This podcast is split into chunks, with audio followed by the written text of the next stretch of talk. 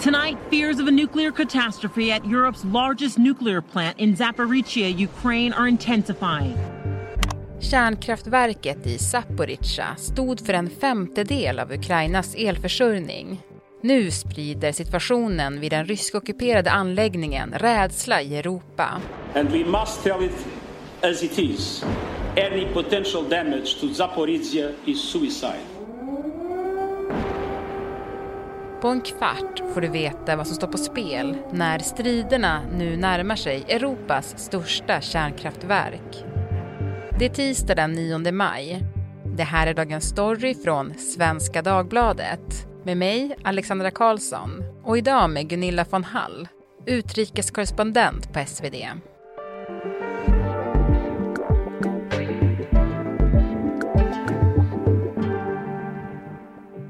Du Gunilla, det känns ju verkligen extremt läskigt det som nu händer kring kärnkraftverket i Zaporizjzja. Ja, det är ett väldigt otäckt, hotfullt läge just nu och människor som bor i området är ju, är ju väldigt rädda. Mm.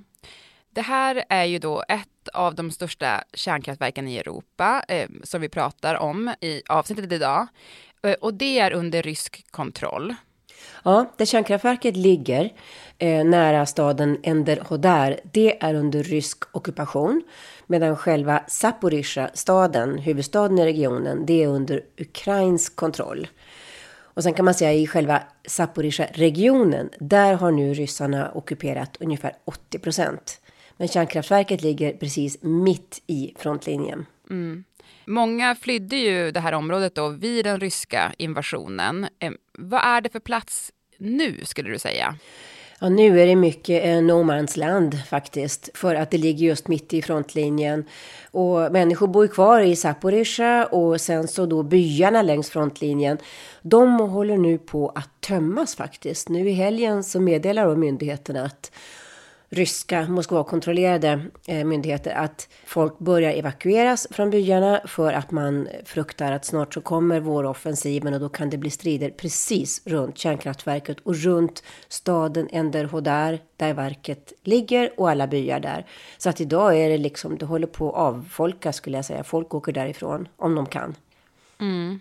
Och det, det, beskrivs ju, eller har beskrivits i alla fall, som att det är liksom panikartat, den här typen av, eller denna evakueringen som sker. Ja, precis. Att det är eh, liksom långa bilköer, väntan i fem timmar för att komma därifrån. Och då köra mot eh, Krimhalvön till exempel. Men eh, det är, eh, ukrainska myndigheter har sagt att det är panikartad eh, flykt nu, det som de, de hör. Och, och det, det stämmer nog alltså att det är verkligen det kommer ju närmare den här våroffensiven och människor är, är rädda och vet inte vad kan hända om kärnkraftverket liksom hamnar mitt i striderna, exploderar. Eh, det finns ändå reaktorer där. Eh, ja, det, det, det är mycket riskfyllt och folk eh, flyr nu.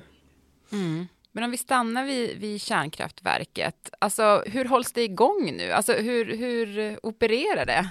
Just nu så är det finns sex reaktorer och fyra av dem är helt avstängda och, och, två är satt på låg effekt kan man säga för de måste ändå hålla igång lite grann så att de kan kyla ner reaktorerna. Men de har, andra har varit nedkylda i flera månader så att det är ändå i stort sett nedstängt. Eh, ungefär 2000 anställda jobbar där, ukrainare. Förut jobbade 11 000 människor där. Eh, IAEA, alltså den strålskyddsmyndigheten, är på plats med ett litet team. Och de övervakar då att det ska vara så mycket säkerhet som det går. Men eh, annars så är det, ja, det är ganska öde plats och man försöker bara förbereda sig för vad som komma skall. Vad vet vi hur det är för personalen som jobbar inne på kärnkraftverket då? Ja, det lär vara väldigt spänt och väldigt svårt. De som är kvar där och deras familjer som bor också i runt staden då där lär vara väldigt stressade och de som det finns personal då kom det uppgifter om som ville som har bett om att få, få lämna, få åka på en lång semester nere på Krimhalvön. Men det fick de inte enligt Ukrainas statliga kärnkraftsoperatör. Det var de som upp, uppgav det då. En del är ju kvar för att de får då högre löner. Ryssarna gör allt för att de ska stanna kvar. Men de är ju rädda och de är ju fångar på sätt och vis in i det här kärnkraftverket. Det finns ju också de som protesterar och inte vill längre. Då finns det ju uppgifter om att det finns en slags eh, tortyrkammare eller källare runt de som kallas gropen, dit de som har protesterat mot ockupationen runt kärnkraftverket tas och där de inte kommer tillbaka ifrån.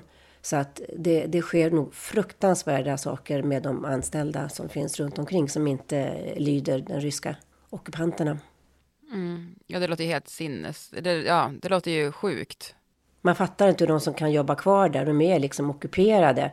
Ryssarna kom, ockuperade och sa ni måste vara kvar och vi betalar mer men ni får inte lämna. Då är de liksom fast i ett kärnkraftverk som kan bombas när som helst. Och det finns ju inte några sådana här exempel liksom i världshistorien, ett kärnkraftverk som ligger mitt i en frontlinje. Det är helt unikt.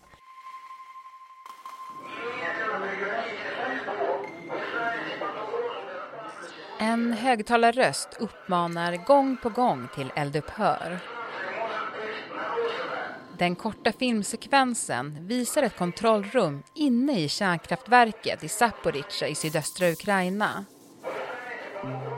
Den ukrainska personalen rör sig lugnt i lokalen medan den ryska raketbeskjutningen pågår utanför. Det var i början av mars förra året som kärnkraftverket intogs av den ryska armén under kraftig beskjutning. Ukrainian President Volodymyr Zelensky called on Europe to act quickly to prevent a nuclear catastrophe comparable to the Chernobyl disaster of 1986. Sedan dess har det upprepade gånger kommit oroande rapporter om att Europas största kärnkraftverk förlorat kontakten med elnätet. Att möjligheten att kommunicera med personalen varit begränsad och att operatörerna, som hela tiden övervakas av rysk militär, befinner sig under stor press. Och FNs internationella atomenergiorgan har upprepade gånger uttryckt sin oro. Let me be clear. The shelling around Zaporizhia nuclear power plant must stop. The consequences of such action are far too grave. Det pratades ju om en kärnkraftskatastrof redan vid den ryska invasionen. Alltså det var ju någonting som man var väldigt orolig för. Eh, en del drar paralleller till Tjernobyl. Alltså hur stor är risken för att något liknande händer? Mm. Man ska nog vara eh, försiktig med att dra eh, sådana slutsatser därför att just reaktorerna är ju avstängda så att det kommer inte att bli, tror i alla fall de experter jag har pratat med också, någon liknande Tjernobyl eller japanska Fukushima-katastrofen. För de ämnena, de har klingat av för att reaktorerna är avstängda i stort sett. Utan det som finns kvar, det är cesium-137 heter det och det förstör marken. Så det är det som är problemet. Det går ner i marken. Och det gör att marken är kontaminerad och kanske under ja, kan ta upp till 300 år innan det försvinner. Och människor, om man då ska äta de grödor eller eh, grönsaker som, som produceras där, det kan då vara farligt på sikt för, för hälsan jag tror man ska inte vara rädd för, en del kanske i området tror att oj, det blir ett nytt Tjernobyl. Men det är inte ett nytt Tjernobyl-scenario vi står inför. Utan det blir lokalt inom kanske en mils radie runt om kärnkraftverket. Och det, det är ju illa nog för lokalbefolkningen som bor där. Mm. Hur skyddad är då kärnkraftverket mot om något skulle träffa det?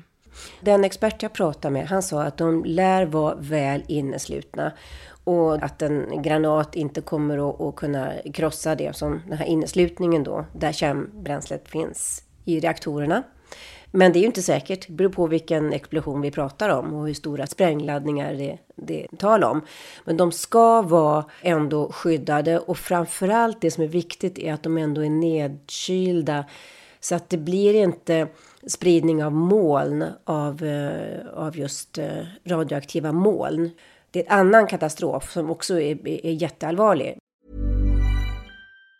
Say hello to a new era of mental health care. Cerebral is here to help you achieve your mental wellness goals with professional therapy and medication management support. 100% online. You'll experience the all new Cerebral way, an innovative approach to mental wellness designed around you.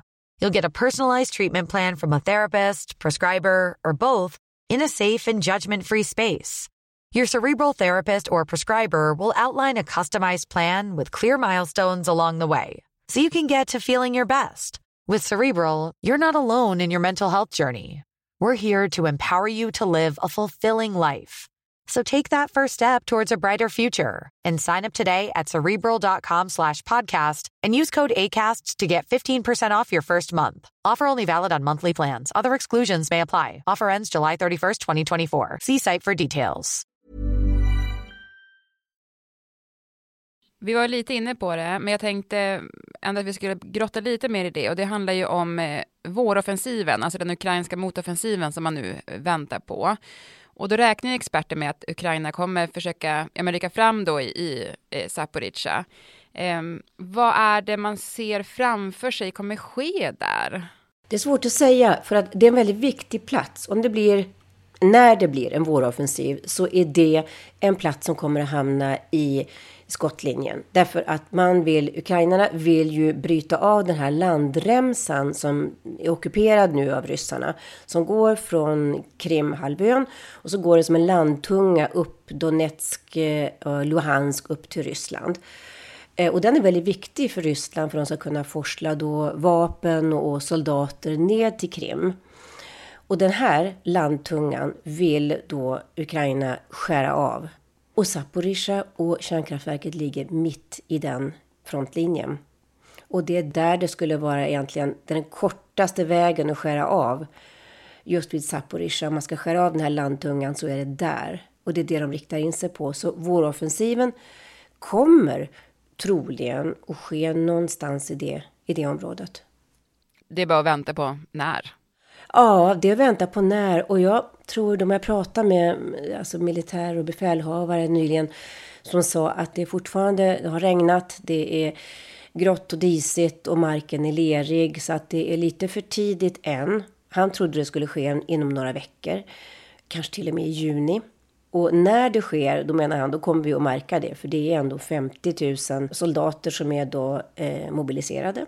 Det har börjat redan i liten skala med explosioner på Krim och på andra platser förra veckan.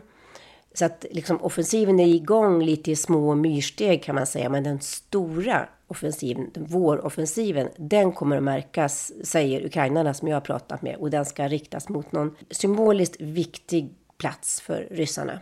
Ja, men du Gunilla, till sist, eh, när den här podden släpps så är det den 9 maj, alltså segerdagen. Man firar då Sovjets seger över Nazityskland under andra världskriget. Och det här är ju en dag med stor betydelse i Ryssland. Och inför förra segerdagen så pratades ju det enormt mycket om vad Ryssland och Putin skulle berätta att man hade lyckats med i Ukraina. Alltså vad tror du att Putin kommer lyfta fram i sitt tal idag? Det är svårt att säga för att förra året var han ju väldigt segerviss och, och, kunde förklara att det här, det här har vi ockuperat och tagit och snart har vi tagit resten. Nu är det inte det läget. Så att det kommer nog bli mycket mera lågmält. Eh, många parader är ju inställda också i Ryssland. Men han kan ju ändå hävda att de har den här landkorridoren som är Luhansk, Donetsk och som går hela vägen ner till Krim. Cherson har de ju inte längre, eh, men de har ju ändå en, en stor del av Donbass. Så det kanske han kommer att slå på trumman för, men han har ju mycket mindre, mycket mindre att, att stoltsera med. Det, det är jättesvårt att, att spekulera hur han kommer att lägga upp det här talet, men någonting väldigt krigiskt blir det. Det, det tror jag vi kan vara säkra på. Mm. Vi fortsätter följa utvecklingen. Tack så jättemycket Gunilla. Varsågod.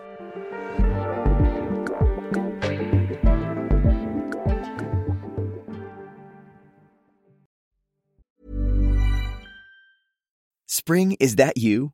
Warmer temps mean new Albert styles. Meet the Superlight Collection, the lightest ever shoes from Allbirds, now in fresh colors. These must have travel shoes have a lighter than air feel and barely their fit that made them the most packable shoes ever.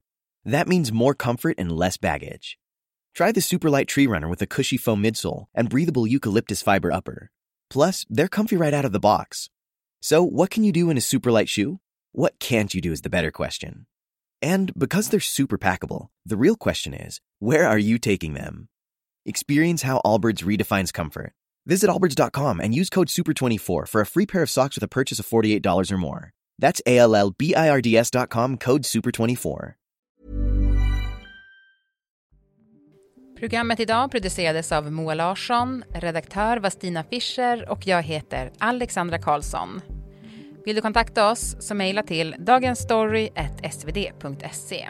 Och klippen i programmet kom från New York Times, CBS News, NBC News, CNN och FNs atomenergiorgan IAEA.